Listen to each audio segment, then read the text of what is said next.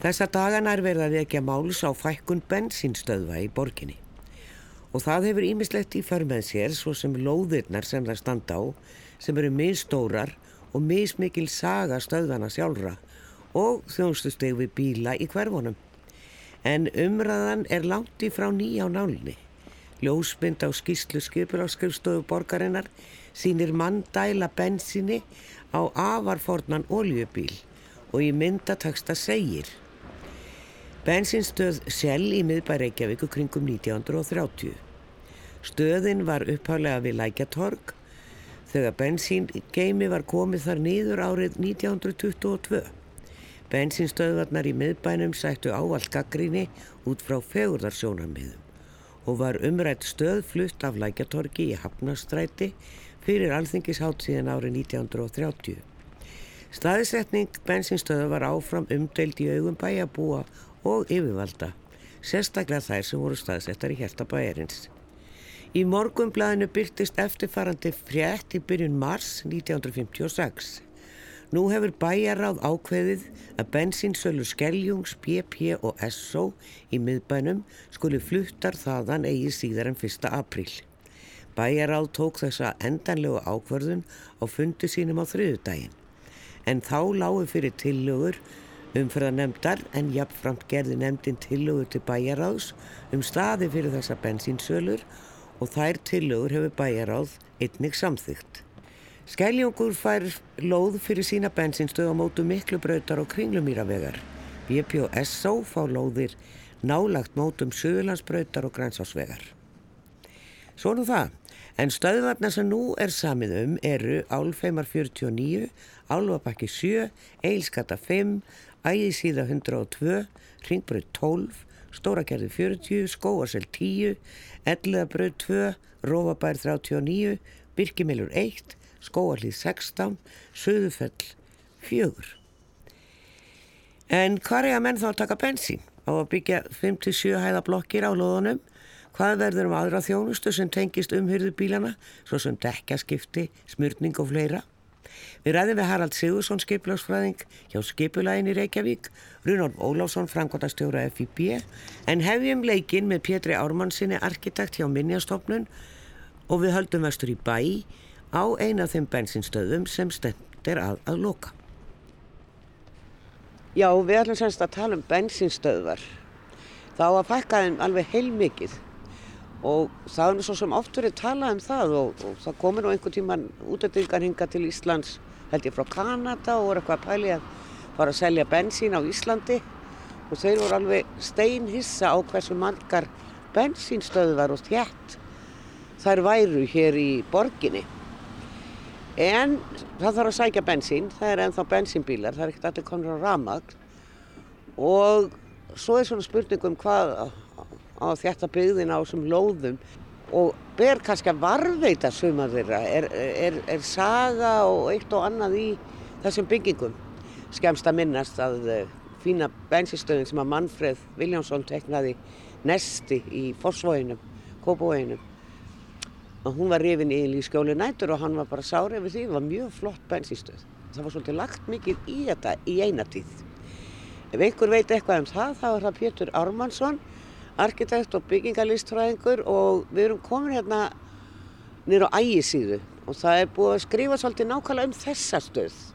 Það er einhverja tillögur komið fram sem að ég nú reyndar ekki séð um hvað eigi að byggja hérna en þetta er náttúrulega töluvert stór lóð hérna. Já, þetta er um, sérstak lóð hérna vegna þess að hér átti einhver tíman samkvæmt fyrsta skipla yfir að rýsa var sér ringtork sem átt að tengjast uh, Hagatorkinu og með breyðgötu sem heiti núna Nesægi og við sjáum húsin hérna við ægisíðuna sko aðeins lengra. Þau, þar eru svona, þau koma aðeins tilbaka Já. og þar átti einmitt þetta ringtork að vera og það, ah. þetta var hérna, þannig að þetta skipula varð ekki, það voru byggð hérna íbúðarhús við Hófsvallagötu og svo var hér og leikskóli minni mig og, og svo var þetta lóð eftir hér fyrir bensinstöð, ég veit nú ekki alveg hvað var hérna áður, ég þekki það nú ekki. Nei, ég er að reyna að rifja það upp, ég er nú uppalinn hérna upp á Hamel og, og sundlaugin var nú ekki komin þar að ég var stelpa og það voru bara tún og bændur og og bólið, það voru uh, rollur og hestar og kýr hér á beit Já. og gott ef að þetta var ekki bara eitthvað tún hérna sem er undir þessari bensinstöð. Já, þetta var ekki kampur hérna? Kamp Nei, nei, kampurinn var aðeins og hann var, var við melabúðina. Já. Ég veit ekki, ég man það ekki alveg nákvæmlega, en það voru mi- mikil tún hérna og hús og hús á stáli. Já, Það er svona í mínu minni, en það getur verið orðið gloppót. En, en, en hvernig líst þér á þetta bara svona almennt að vera að fækka þessum stöðum? sko bensinstöð var náttúrulega sem, sem forma byggingu eiga sér saga þeirra hefur nú ekkert verið skráð ennþá en það væri nú mjög verðt að gera það og, og því að þetta er svo nátengt hérna, já bara í samgöngusögu og mannlífi borgarinnar eins og, eins og það þróaðist á 2000-öld og sko upphaflega voru náttúrulega þegar bílarnir komu hérna fyrst þá voru þetta nú mikið til atvinnubílar og, og þá voru þetta kannski litla, bara stakar dælur eitthvað starf í portinir í bæ hjá Steindóri og, svona það sem að hjá þeim fyrirtækjum sem voru að selja bensín, bara einn dæla, svo svo rísu einhverjir skúrar og en svo á, á hérna svona um upp úr miðri öldinni þá var farið að byggja, þegar farið að skipuleggja e, bensinstöðar lóði sérstaklega við tengslum við svona helstu umferðaræðar út úr borginni. Og jafnframt voru þá fengnir arkitektar til þess að hanna þessar stöðvar og, og, og þær eruðu bísna fallegar og við kannski eldstu dæmin sem að eru nú sem betur fyrir varðveitt, það eru tvær stöðvar sem að Þór Sandholt arkitekt. Já, Hann teiknaði fyrir Sjell, annars vegar er það stöðin inn við Laugaveg inn undir Kringlumýrabraut þar sem að fólk þekki nú sem stöðina sem að næturvaktin var tekin. Og, og hún var einmitt svona fleigmynduð eins og, eins og, svolítið eins og hambúrgarabúlan til þess að flæðið í, í kringum húsi er þess að greiðast. Nú önnur svona stöð sem er mjög vel varðveitt er við skóarlíð já, sem er nú reyndar ekki lengur bensinstöð en, og ekki, ekki lengur í alfara leið eins og hún var en, en báðar þessar stöðvar eru af svona, ég hugsa að þetta séu elstu bensinstöðunar hérna sem að hafa varðvist og þær eru sem betur fyrr og þetta eru náttúrulega byggingar sem að sko ég sem svona sögumadur vildi alls ekki sjá hverfa. nei, Enda er, enda er náttúrulega auðvelt að eh, breyta um hlut nýting á þessum húsum sko. Þetta eru svona kennileiti í borginni. Nú, þú nefndir áðan stöðvarnar hans Manfreds Vilhjánssonar sem að voru svona eins, svona, eins konar borgarhlið við inn, innkomni Reykjavík annars vegar í Fossvoginum og eins vegar í, við, við Elluðárbrýrnar og, og, og hérna þetta voru, voru fyrstu dræfin stöðvarnar byggðar þarna seint á, á, á, á sjötta, sjötta áratugnum þegar að bílaeign var orðin almenn og þetta var náttúrulega bara hluti af það helst í hendur við almenna bílaeign og bílamenninguna sem að varð hérna eftir stríð og, og svona fólk fekk frelsi til að ferðast og fjölskyldnar eignust bíla þannig að þetta var bara mjög mikilvæg þáttur í félags- og menningarsögu þjóðarinnar og borgarinnar þessar, þessar, þessar byggingar. já. En þetta er sko, það er náttúrulega einhverja dælur hér og þar og það er til dæmi ég var eitthvað svona reyna að fara yfir það í huganum að því við erum nú hérna í Vesturbænum eh, verða einhver bensinstöðvar eftir í Vesturbænum því að það búið að loka á Birkimel. Og, og ég skilst nú hérna út í ánanustum að það sé orðið svona frekar slaft en það eru þó dælur en þá Uh, hér það er búið ákveða þessi, þessi stöð verður lögð niður það er náttúrulega ekkert mjög umhverfisvænt þó svo að það er að þetta byggð. Ef að menn þurfa að keira 15 km til þess að ná í bensín á tanki. Nei, maður, maður heldur það nú ekki að, að ef, ef þetta fer allt út úr byggðinni þá er það nú alla, getur nú alla talist mjög umhverfisvænt. En vissulega var það svo að það voru fleiri, það voru ófunni marga bensinstöðvar hérna á, á, á, á, tímabili og þetta voru náttúrulega þrjú félög sem höfðu hver, sitt- hverja sína stöð og þær dreifðu svona jæmt um borgina. Og, og hérna en margar af þessum stöðum þær eru, voru hannaðar af, af um, þekktum arkitektum, það var félögin lögðu á miklum á tímabili mikinn metnað í að byggja vandaða byggingar og sérkennilega byggingar eins og til dæmis hérna stöðin á ægisíðu sem var teiknuð af Guðmundur Kristinsinni og Ferdinand Alfredsinni. Það var mjög mikið lagt í þessa byggingu, formið óvinnilegt og þessi bygging hefur bara mikið gæði óháð því hvaða starfsem er í henni. Og ég held að sko annað sem að kannski menn hafa ekki haft hugsað mikið úti er að þessi þessar stöðvar hafa ákveði félagslegt hlutverk. Þetta er ákveði nær þjónusta í hverju hverfi. Ég get sagt það í mínu hverfi inn í, inn í hérna álfheim, álfheima bensinstöðun. Sko hún er bara svolítið eins og félagsmyndstöð. Þanga fer fólk á, á sólardögum að þrýfa bílana sína og, og ditta þeim.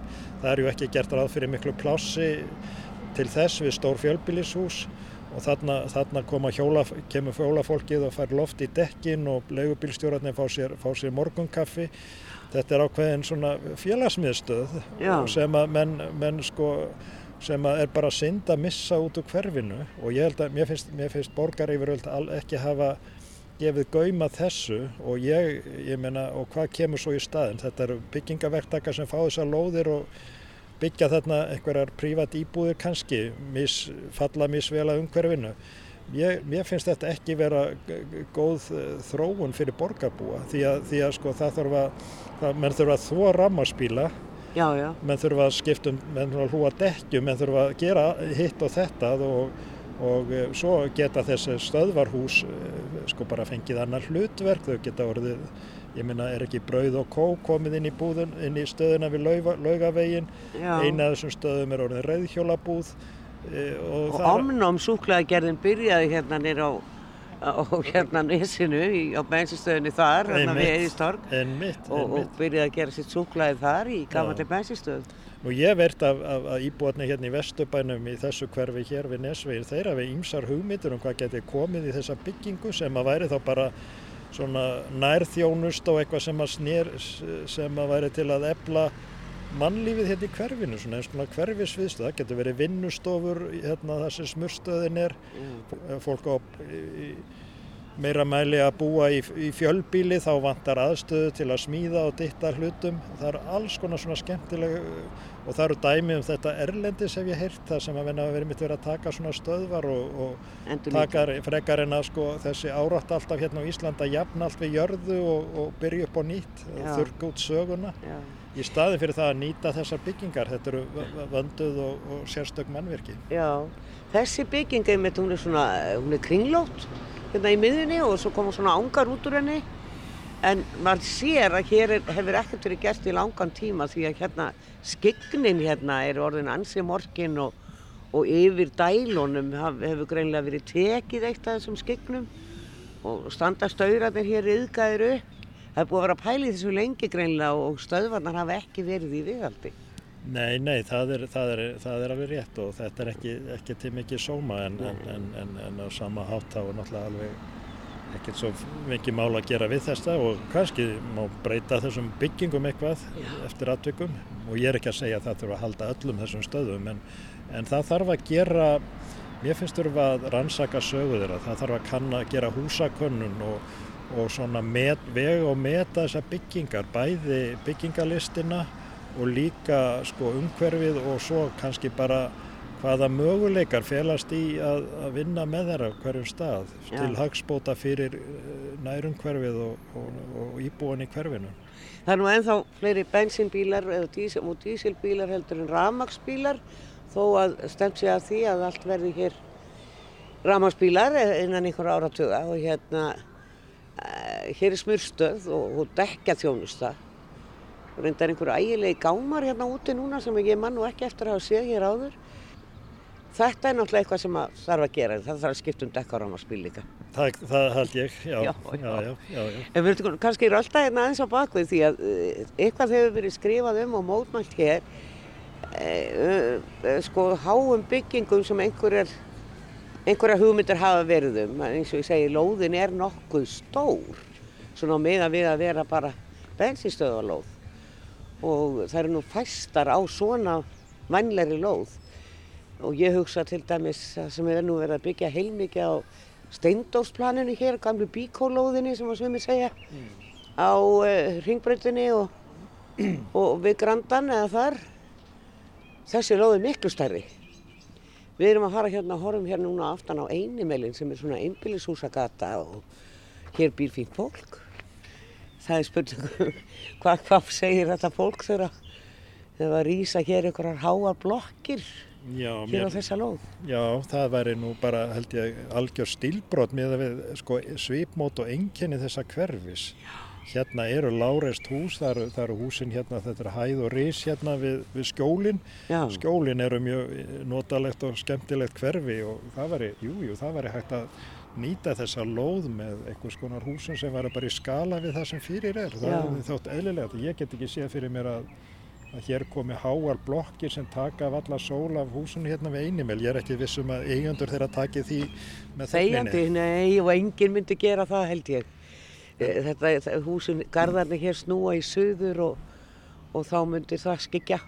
Sko það gleymist alltaf með þessa hugmyndu þjettingu byggðar að hún á að vera til að bæta mannlífið og bæta umhverfið. Hún á ekki að vera bara farvegur fyrir gróðabrask Nei. eins og hún er því miður að verða og, og borgar yfir vel láta það viðgangast. Já, Pétur, það eru hörð orð í, í, í átt að yfirveldum hér í borginni. Það, er, það var svo sem fleiri sagt þetta og uh, heyrst áður. Og kannski af því að það hefur leið svo rosalega á að byggja, af því það vantar svo mikið húsnæði, að þá er það notað sem er rauk fyrir því að það eru byggt hátt og þjætt. Já, þannig eru menn að, að svolítið að miskilja sig, menn er eiginlega skilgreina uh, Reykjavík allt og þröngt. Það er, það er í gangi núna hugmynd sem heitir borgarlína sem er hugmynd, langtíma hugsun um, um skilvirkar samgöngur, tengingar við útkverfi borgarinnar. Þannig að ef að borgarlínan þróast nú, eh, sem við vonum nú, að austur á bógin upp, upp á Ortunshöfða og áfram að Kjeldnaland og upp í Úlfarsárdal og upp í Mosulsveit, þá er búið að veita mjög stóru svæðum mjög gott aðgengi að, að hingað út á nesið og sama hátt ef að, ef að verður gerð þessi brú yfir í Kópavóg og Kópavógum verður í rauninu þá bara eitt af hverfum Reykjavíkur nánast í allavega í fjarlæðum talið Já. þá er í rauninni sko tekið svo mikið pressan af því að vera að tróða byggð hérna hvern einasta blett í gamla bænum og menninga bara aðeins að taka þessu ró, anda rólega, horfa á Reykjavík sem ekki bara hérna 101 og það sem hangir utan á því, heldur miklu stærra svæði og horfa til mjög langrar framtíðar því að þetta, þetta höfuborgarsvæði á bara eftir að stækka og vaksa um, á næstu áratugum vonandi. Já, og þá þurfa menn að hugsa langt fram í tíman, borgarlínan ef kosturum við hann er, er þessi langtíma hugsun sko óháð því hvers konar samgöngutæki það verða svo sem að þjóna henni, það er svo anna, önnur umræða hvað menn, hvort það er einhverjar, eh, það er kannski menna að verið of svona útópískir í því endilega en það, það, er kannski en það er hægt að innleiða hann í ákveðnum skrefum. Já, en ég, mér finnst þetta að vera, mér finnst mér að vera ansi brattir í því að vera fórna umhverfi skæðum þess sem, að, þess sem fyrir er í kraft einhverja svona, ég segir svona bara svona einsýtnar hugmyndafræði. kannski ein spurning að lokum sem ég veit ekkert hvort þú getur svarað Pétur en það er svona bórið á góma af því að eh, nú eru eh, þessar, þessi oljufélög sem að reka þessar bensinstöðvar eru með þessar lóðir sem að mér skilst á sínum tíma hafi bara hreinlega verið útlutað mm. af borgarífuvöldum úr borgarlandinu Sjálf var hérna til dæmis með margar stöðvar og það var svona rígur á milli, þetta er fyrir samráð líklega og hérna og það var sagt að því að þeir væri allir í sjálf, væri allir í réttum flokki þess vegna fengu þeir bestu löðurnar. E, en svo, einhvern veginn skilst mann á þeim fréttum sem maður lesa að, oljufélagin sjálf sé að fara að byggja á þessum lóðum. E, er einhverjar upplýsingar um þetta hjá minnjastofnun, eignar hlutfall þessara lóða? Nei, við höfum engar upplýsingar um það. Nei. Nei, nei, en það kemur það okkur ekki beinleins við en, en, en það eru náttúrulega skiplas yfirvöld í Reykjavík sem, að- sem að stýra því hvað er byggt hérna óháð því hver á hvaða lóð eh, og, og auðvitað þau hafa, ég meina skiplasvaldið er hjá, hjá, hjá borgar yfirvöldum og þau er náttúrulega eru kjörin til að huga almannahagsmunum og í því felst að, að, að það eru náttúrulega líka hagsmunir þeirra sem að búa hérna í kring sem að þau vera að standa vörðum. Saði Pétur Ármannsson byggingalist fræðingur. Við bregðum okkur næst á borgarskustöðunar í Borgatúni og heyrum af hugmyndum skipulagsins um fækkun bensinstöðana. Já, það er allir höndum borgarinnar að sjá um uh, þessar lóðir sem að uh, bensinstöðarnar eru á, sem eru, það eru nokkuð margar sem að, vítt og breytt í borginni og uh, það er svona spurning um hvað þeir eru að leggja upp með hjá skipulæginu uh, hver er grunnurinn og ég meina hvernig alltaf er að stýra þessu inn í, í nýtt hlutverk og allt það? Á að byggja hús á að reyna að nýta byggingarnar verða áfram dælur hér og þar? Það er svona, þetta er spurning og ég veit að margir þeir sem að búa við nálagt bensinstöð vilja gætna haldinni og þetta eru sumstaðar, svona svolítið félagsmiðstöðar. Þannig að það er ákveð mannlífi kringum bensinstöðina. Eins og Pétur Ármannsson hafði orð á hér í viðtælinu og undan.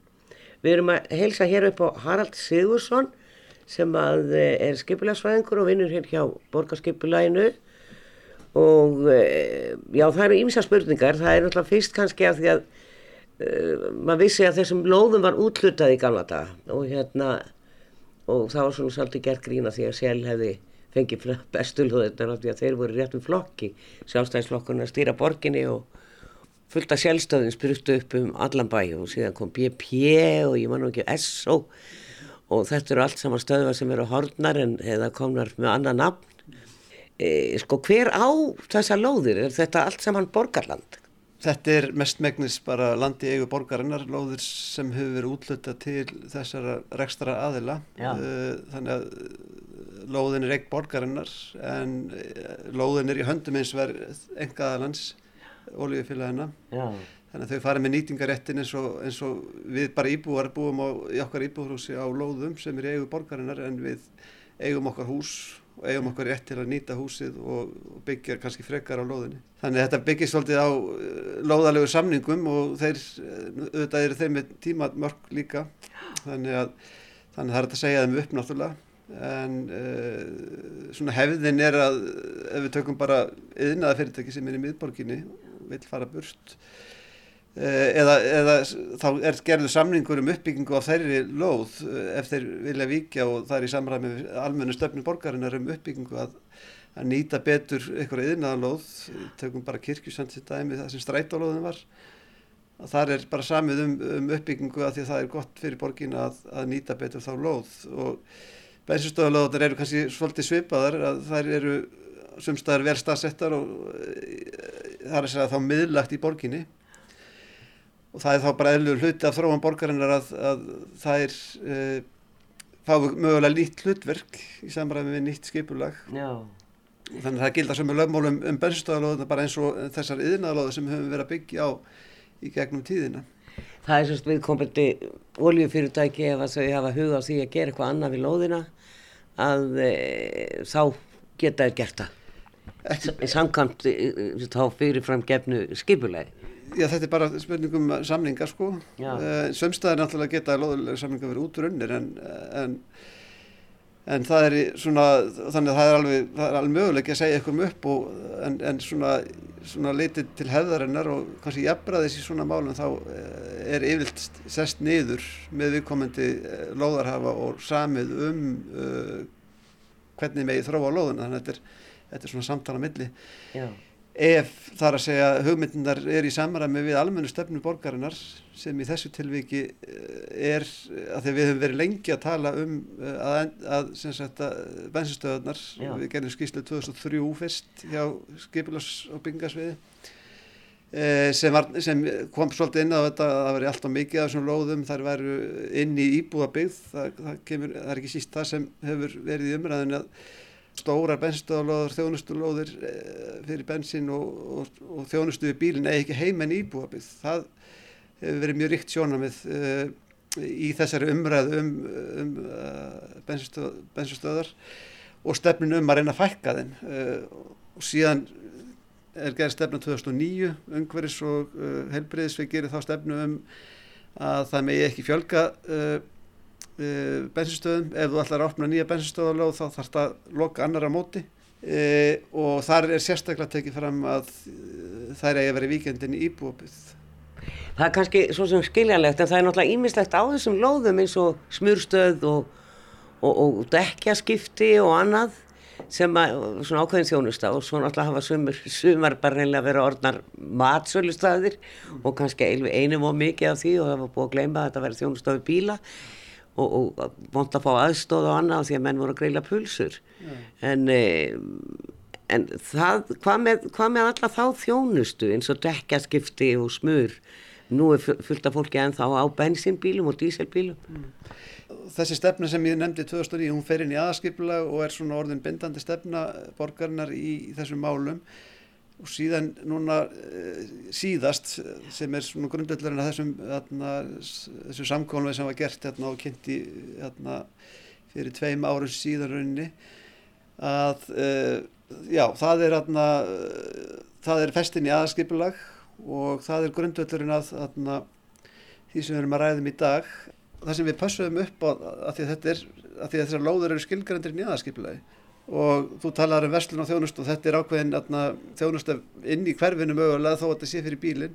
Og svo er, svo er hitt sko hinn hin, hin hlutin er bara þjónust við bílinn og þannig að þegar við mörgum stefnuna eh, núna senast eh, var að stóru lóðurna sem eru við stoppbröðunar umfraðhungugötunar og hraðbröðunar að er fengjur raunin að festa, það er bara festa niður sem slíkar lóðir og það er bara að vera áfram þjónustu við bílina því við þurfum vantilega til framtíða þó að séu orkurskipti og komið ræmarsbíla það verður einhvers konar, þá þurfum við þjónustustöðar við bílin og það getur verið bíl og þáttastöða þá líka þar og síðan hlæðslustöðvar og svo aðrir orkugjafar þannig að það er, það, það er fá að vera í friði bara við stofbröðunar og þar erum við ekkert að heimila eitthvað aukna nýtingu Nei. en Síðan er alla loðurna skilgrenda sem vestlun og þjónusta í grunninn í aðskipulagi sem segir okkur að það er svona leifinundum það þegar við gerum deilskipulag eða hugum að breyttu skipulag þessum loðum að það veri treyð sko vestlun og þjónusta áfram á loðunum Já. þó þessi heimilar íbúður og efrihæðum. Þannig að það er svona grunnstefnan í aðskipulaginu á þessum vestlun og þjónusta loðum að að það sem er vestlunum þjónusta þar verði líka íbúður efrahæðin. Þetta er búið að vera í njáðaskipla síðan 2014. Já, en það er sko, við vorum þarna ég og Pétur uh, á, á ægisíðinni sem er svona einstaklega stór lóð, þú er kannski svo lóð og svo við ringbröð 12 fælt ég á síðan númer, það er stór bensinstöð og mikil þjónusta, matsölustæðir og annað. Þetta eru kannski svona þær stæstu mm. og, og hún er ofenni stór þarna á, á, á uh, ægisíðinni og þarna er náttúrulega bara láreis byggði kring og einbílishúsa gata þarna eini, einimeilurinn þar sem mér margt fínt fólk á heima mm. og, og er, er ykkur að hugmyndir um sko hvað verður gert á þessum lóðum og síðan er náttúrulega byggingarna sem að væri mögulega hægt að endurnýta virka, gerir eitthvað annað bara að stungi upp á einsum hugmyndum í kringum það já. hvað hægt að vera að gera þar Sko, já, þetta er náttúrulega verið samtal og þetta samkómulega sem er gert er náttúrulega með fyrirvara um að það er eftir að vinna deilskipilæðið og það þarf að móta það út frá kröfum og uh, umhverfisáhrifum sem þarf að taka á sangvænt ákvæðum aðskipilags. Þannig að það er ekki búið að ákveða neitt eh, um eh, þess að formbyggðarinnar, það verður að gera það í, gegnum deilskipilæðið og við þurfum líka að gera og erum að vinna, það þarf að gera húsakonur alltaf þegar við gerum deilskipilæg, þannig að við skoðum náttúrulega hvort að það séu merkar byggingar á viðkomandi svæðið alltaf þurfum við að gera um dæliskipila þannig að við þurfum í húsakvannun og, og fordlega skráningu ef, ef það þarf sko. Þannig að það, það er ekkert ákveðið þarna en, en er þarna vestur í bæ þarna er náttúrulega lári spið í kring allra næst en það eru líka herri húsanna líka á þessari, þessu götu svæði en við þurfum náttúrulega að gæta að uh, skuggaverf og slíku ef við reysum eitthvað herri hús uh, nála til húsunum en En, en það er líka stefnaborgarinn að auka fjölbreytni í húsagerðum innan hverfana þannig að það er ekki sjálfgefið þó að sé, eitt hverfi sé bara sérbíli það, væri, það er ákveður aukverið því að byggja kannski fjölbíli inn í, í sérbílishúsa hverfi að því að, að það vantar breytin í húsagerðina þar sko, því við viljum alltaf bland, fá félagslega blöndun inn í hverfin. Það er hérna einn blokk, Káirblokkin eins og hún er kvörluð og hérna sem er ábyggileg upp á 5-6 hæðir þar sem hún er hæst en annars er þetta nú fröka lárist og við vorum svona spjallum að þetta gæti orðið til dæmis rathús í staðin fyrir að, að, að en þá er náttúrulega verslun og þjónustur ekki og neðstu að hefði í rathúsi þannig að það þarf að hugsa þetta vel og svo er þetta náttúrulega sagan. Og, og sko það er eh, komið hjólabúð á Hálandsbröðuna mm. Berlín er þar og það er komið bakar í uh, Bröðokó er komið þarna niður við Kringlumverabröð og Lögaveg mm. í, í fræga bensinstöði sem þar er. Mm Ég veit að Omnum byrjaði út á Nesi, á benstöðinu þar, sem þeir hafa búið súklað og þeir voru þar í, í, í nokkuð mörg ár að gera sitt súklaði. Já. Og hérna, ég veit nú ekki hvað er það núna, en ég held að það sé verið að nýta húsnæðið. Það er spurningum í nútímanum, endurnýtingu í staðan fyrir að rýfa og, og, og byggja nýtt. Já. Það eru náttúrulega margar aldrei merkabyggingar inn á milli í þessum bensinstöðum. Já, það eru nokkrar, þar, þeim hefur endar farið fækkandi sko, þessum húsum, það hafa verið rifna nokkrar hérna, merkar stöðvar sko e, og horfið, en svona það sem kemur fyrst upp í hugan er náttúrulega bensinstöðin við skóarlið og síðan þessi bensinstöð sem er við laugavenn sem hérna, brauð og kói komin í, báðar teknaðar af e, Þór Sandholt e, og þannig að það, það, er, það var alveg skýr fórsönda inn í þessum viðræðum að, að þessar stöðvar hefðu klárt vendargildu og hún er rauninni venduð stöðun við skóalið ja. en svo er þetta spurning hvað er þetta að því að loðunir eru stórar hvað er, hvort er þetta að halda í hluta byggingum sko, þá er ekki að tala um skóalið eða, eða lögaveg eða kannski lögaveg það er þetta kannski að sníða þá lóð að ekkur öðru sko en á ægisíðunni sko það, ég veit að það hefur verið alveg rætt sko að hvort að setja að halda í hluta þeirri byggingu sko tenslu við eitthvað skipulag uh, uh, það þarf ekki það er það áttur að koma í ljóskort að það hægt að koma þarna uh, hvernig þetta getur rúmast þá með stærra húsi, fjölbílishúsi þá er ekki tala um ráðhús þannig að þetta áttur að skoða og þetta er náttúrulega samtal sem fer fram núna á næstunni með loðarhafum við gerð deiliskeipla hjá, hjá skeiplarsvettrúa og svo kannski í þessu samingi við þarna sögulega samingi, stóra samingi í sögu bensinstöðuna sem er mikilvægt líka þá eh, erum við, er, erum við í samtali við borgarsögursafn að vinna eh, yfirleitt yfir þessar stöðvar. Þannig að við höfum eh, og þessi vinna við þessum lóðum hún tekur tíma, einhver tíma en, og er að fara að staða mismundu tíma kannski en, en við viljum skapa okkur smá heldarsamingi sem veganesti í þá vinnu Þannig við fáum aðeins betra yfirleitt yfir þetta en, en við hefum alltaf farið yfir og eh, skráðum þetta allt vel áður en ekki kannski út frá menningarvendinni. En þetta er náttúrulega alveg klart að þetta er miss atna, e, merkilega stöðvar og svo er alltaf þegar við erum að metta uppbyggingu á einhvern reytum og þá, þá eru náttúrulega menningarvendinni náttúrulega mikilvægir þáttur en svo þurfum við að horfa marga aðra þetta líka. Já. Ef við tökum til dæmis bara atna, stöðuna sem er við skólagötuna. Klöpp klöpp já, sem er svona og þessi ásýnd á miðborgina þaðan af sæbrutinni þetta er kannski ekki ásýnd sem við viljum sjá til framtíða þar. Það getur verið rík svona bara sjóna með út frá, út frá já, ásýnd fyrir miðborgina að svo stöð fari en ég svo stöð hefur sennilega ekkert sérstaklega vendagild út frá eh, ef hún var í skoði í hús, húsakvarnin þá hefur hún ekki sérstaklega vendagild en, en svo stöð reyndar ekki hluta þessu samkominnlega en þá, hún, hún rata ekki þar inn. Og það er kannski það svona sem að bíleigendur sem eru náttúrulega ábyrgin af borgarbúum eru hrættasti við að það verði bara svolítið langt að keira og fá sér bensín á bílinn.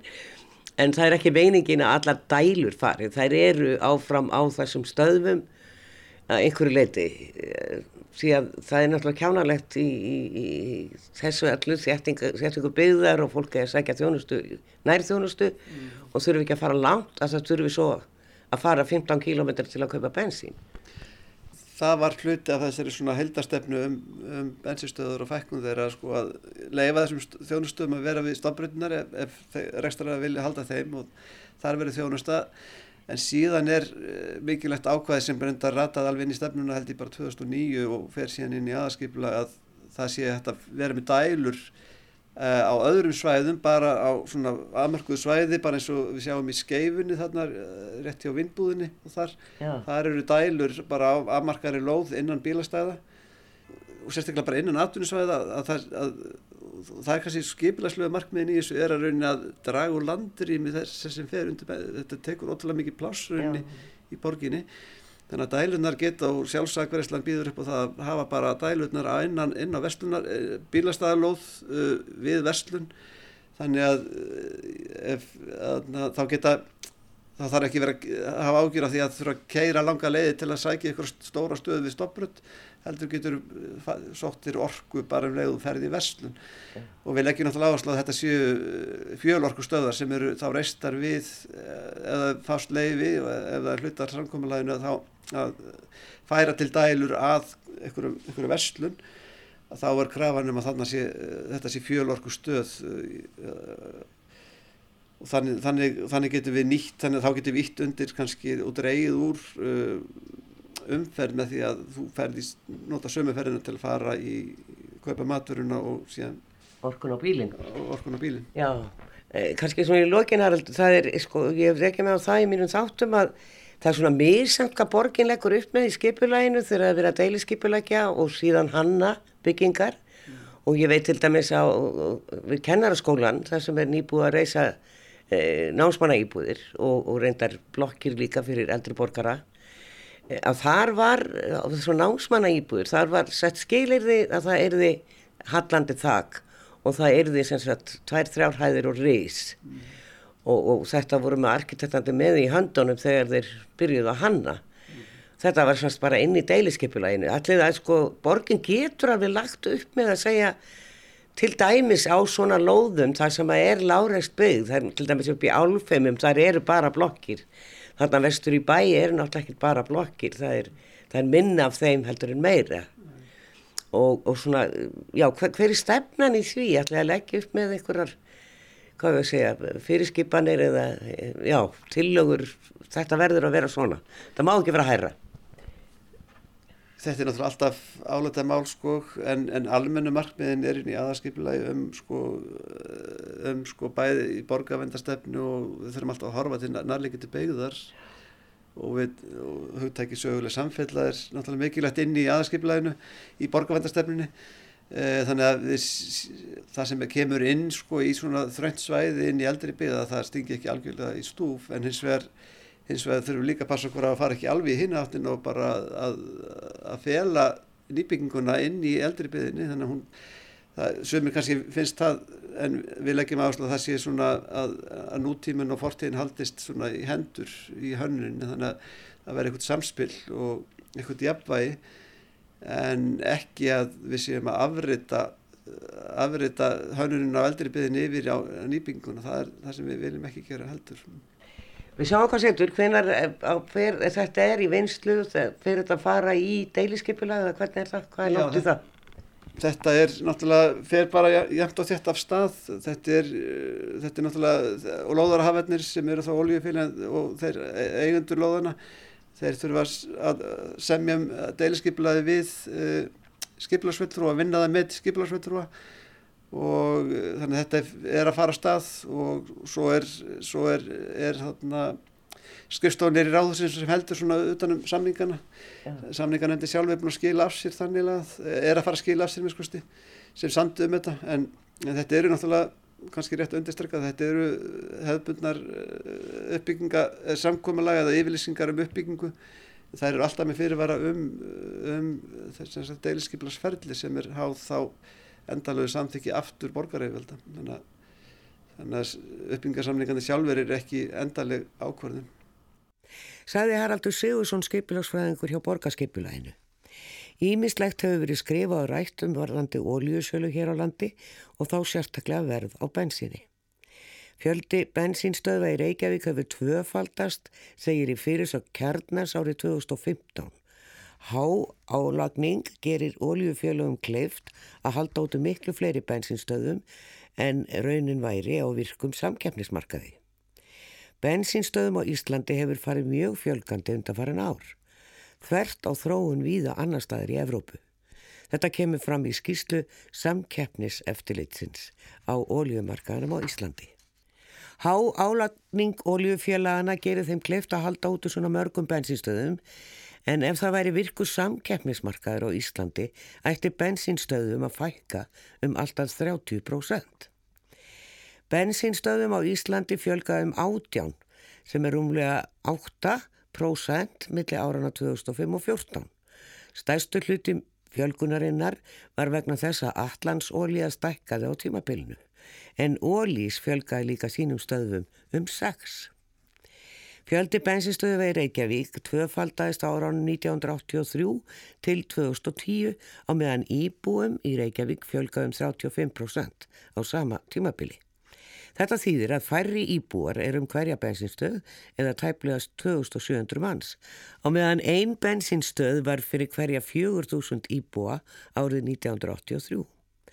Á Akureyri eru 13 bensinstöðvar sem gerir eina bensinstöð á hverja 1400 íbúa. Tilvöldnin í þessa græn líkur. FIB fylgir snáðu með bensínverði og ymsu öðru sem kemur bílegandum við. Já, þá er eiginlega ekkert annað en að tala við þá sem að svona kannski eru með hugan við þá sem að eiga bíla sem eru náttúrulega all flestir og við erum komin hérna hjá FIB á skólagötunni og ætlum að tala við Runolf Ólásson, frangandastjóra sem að kemur nú fram alltaf alla jafna og, og, og, og tala um aðeins um bensín þegar það hækkar og lækkar og það kostar nú sitt í dag aldeilis og komið bara vel yfir 320 krónur, það er bara rosalegt Það breytir því þó ekki að fólk er enn á bílónu sínu þá þarf, þarf þjónustu og þá þarf að kaupa bensín og, og eitt og annað sem að er á bensínstöðum sem að, nú á að fækka þeim alveg heil mikið í rauninni og aðalega út úr íbúðakverfunum. Þannig að þær breytast í eitthvað annað, annarkort íbúðir, þessar lóðir eða einhvers konar verslanir á neðstu hæðum og það verður kannski mögulega hægt að kaupa olí á bílinn og síðan er nú talað um eins og heyrðum að það verði dælustöðvar hér og þar þannig að fólk getur nú kannski sókt bensín í nágrænið en kannski ekkert annað. Hva, hvað hafið þið um þetta að segja?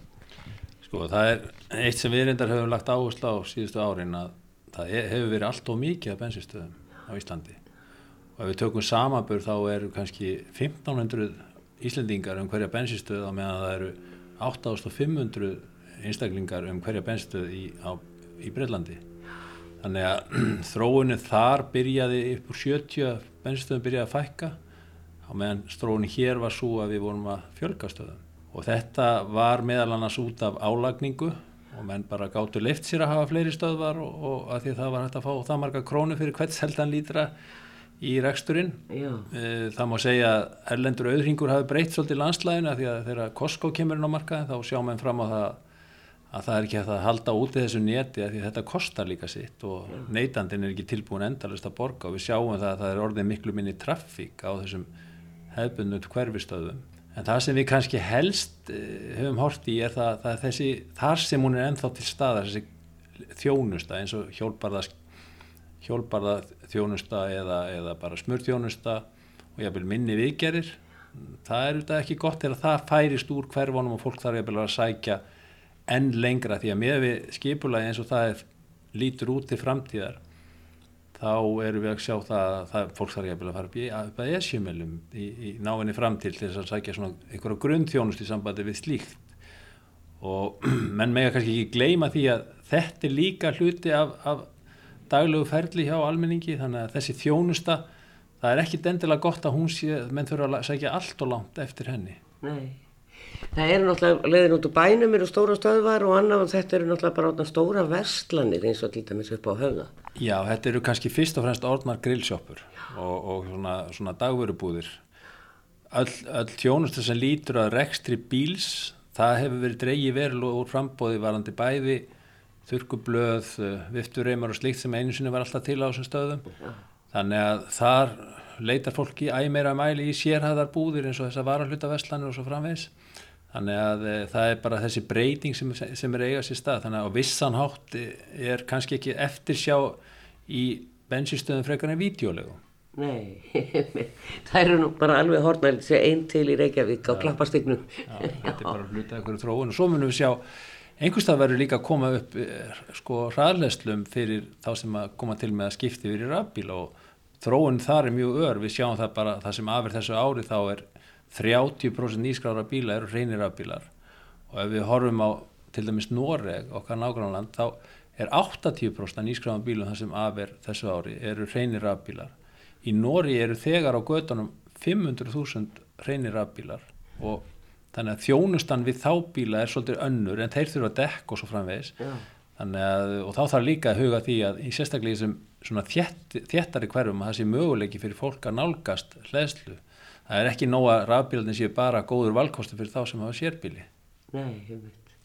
En fólk kaupir sér þessar hlæslustöðvar og hefur það bara heimi á sér. Já, já, það sem það hefur aðstöðu til. En það er kannski erfiðar í sumstaðar í, í hérna, í, það sem er, er, er sambíli eða svo, sérstaklega kannski gömlu hverjun eins og til dæmis bara Solvallagata, Ásvallagata og þar sko, þá er erfitt að hafa þetta endilega, end, endanlega út, á, út, í gö, út í götu, þannig að þá held ég að til dæmis eins og borgin og, og orkuveitan hafi verið að huga að því að hafa einhvers konar sapstæð þar sem fólk geti leita til í nágruninu þá getur kannski einhverja svona bensinstöðalóðir orðið ofan á.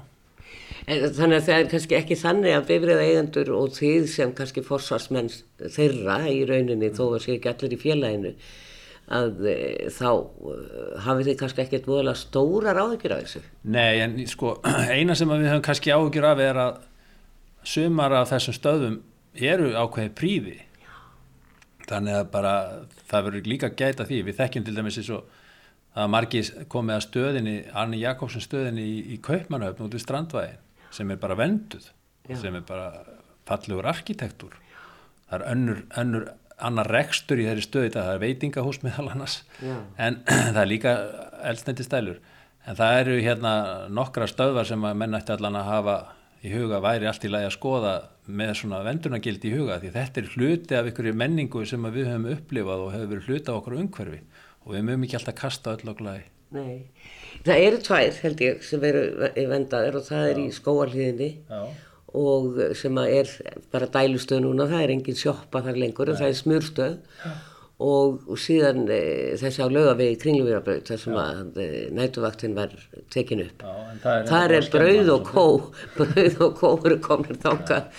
Já, það er, það, það er náttúrulega búið að vera... Sliksniðið og, og breyting þannig að mætti færa í upprannulegt horf. Þetta er það, eins og ég segi, það er líka hlut af ykkur, ykkur svona hverfismynd þannig að eh, en eins og ég segi heilt yfir þá er, þá er hérna þjónustu frambóði alveg fullnægandi þannig að Já.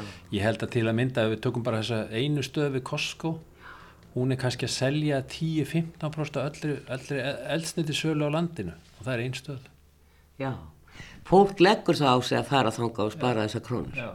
Þannig að sko við erum tilbúin að fara aðeins lengra ef við fáum betra verð þannig að Já. það er einhver skilabóð sem við verðum að senda oljufélagunum og svo spurning alltaf um þessa pólitísku nálgunna eiga oljufélagin að stjórna uppbyggingu á þessum bensinstöðalóðum sem er að meira hluta í eigu sveitafélaga það er önnur, önnur, önnur spurning. Já.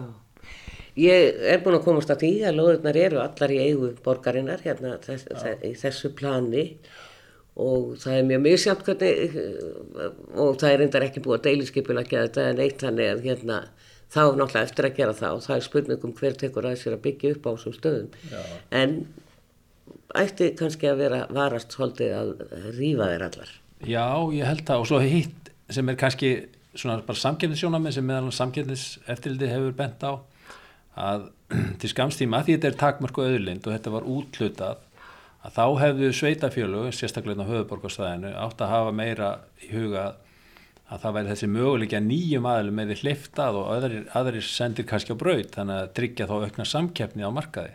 Sáum það þegar til dæmis eins og allansólíja komin á markaði þá var ekki drými fyrir þá og þegar þeir sóttum ykkur á lóðina Reykjavík þá var bara búið ákveð að það er ekki útlita fleiri bensinstöðum og það leit með sér þannig út með Costco þegar þeir voru að sækjast eftir lóðina Reykjavík og það var ekki möguleik að setja bensinstöðu upp þar. Þannig að sko menn verða aðeins að hugsa lengra heldur en bara að það sé búið að setja eitthvað eitthvað markmiðum það að, að hérna, útiloka fleiri bensinstöðar þá frekar að taka bensinstöðar á þeim sem fyrir er og láta dreifa það í, dreifa því þeim tilgangi að auka samkjörni því það er neytendum í hag. Já, það er það sem þú ber fyrir brjósti og hefur nú margótt komið fram Já. og af því að bensinni kostar nú svona mikið í dag, hvernig lístir á það? Jú, þetta er auðvitað ríkalegt ástand og mjög erfitt fyrir fólk sérstaklega sem að er að þjónustum langan veg og, og það sér ekki fyrir endan á þessu og þannig að núna bara í dag þá erum við að horfa á ennfrekari hækkanir vegna þessar ákvörðunar Evropasambansi sem eru mjög réttlætanlegar að hætta innköpum á elsneiti í áfengum frá, frá Rúslandi þannig að, að óbreyttu þá munum við sjá þess að verðþróun verða. Bara ef við horfum ára aftur í tíma þá, þá var kostnaði verða hverju lítra á hinsmarkaði var innan við helmingur af því sem það er í dag.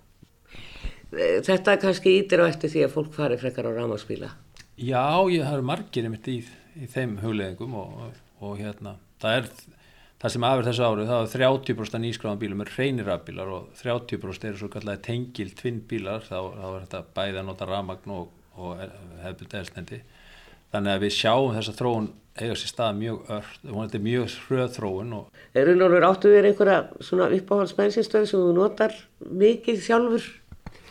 Nei, ég skal viðkynna það, ég, ég er ekki alveg þar en ég, ég er, það, það er þessi nostálgi að ég sem ungur drengur þá vann ég einsinni, tók ég vakt á, á lögavegstaðinni hjá Sjell og, og líka á það sem var kallað Reykjanesbröð þá sem er skóalíð í dag og ég verða viðkjanna það, ég fegin að það sé búið að fríða þessar byggingar. Sæður Unálur Rólásson, framkvæmdastjóri FIB. Eins og heyramátti á þetta eftir að taka einhver tíma og eins gott að huga vel af þeim byggingum sem mögulega verða rifnar og hugsa út fyrir bóksið og finna þeim jafnvel annað hlutverk þar sem því verður komið við. Verðið sæl að senni.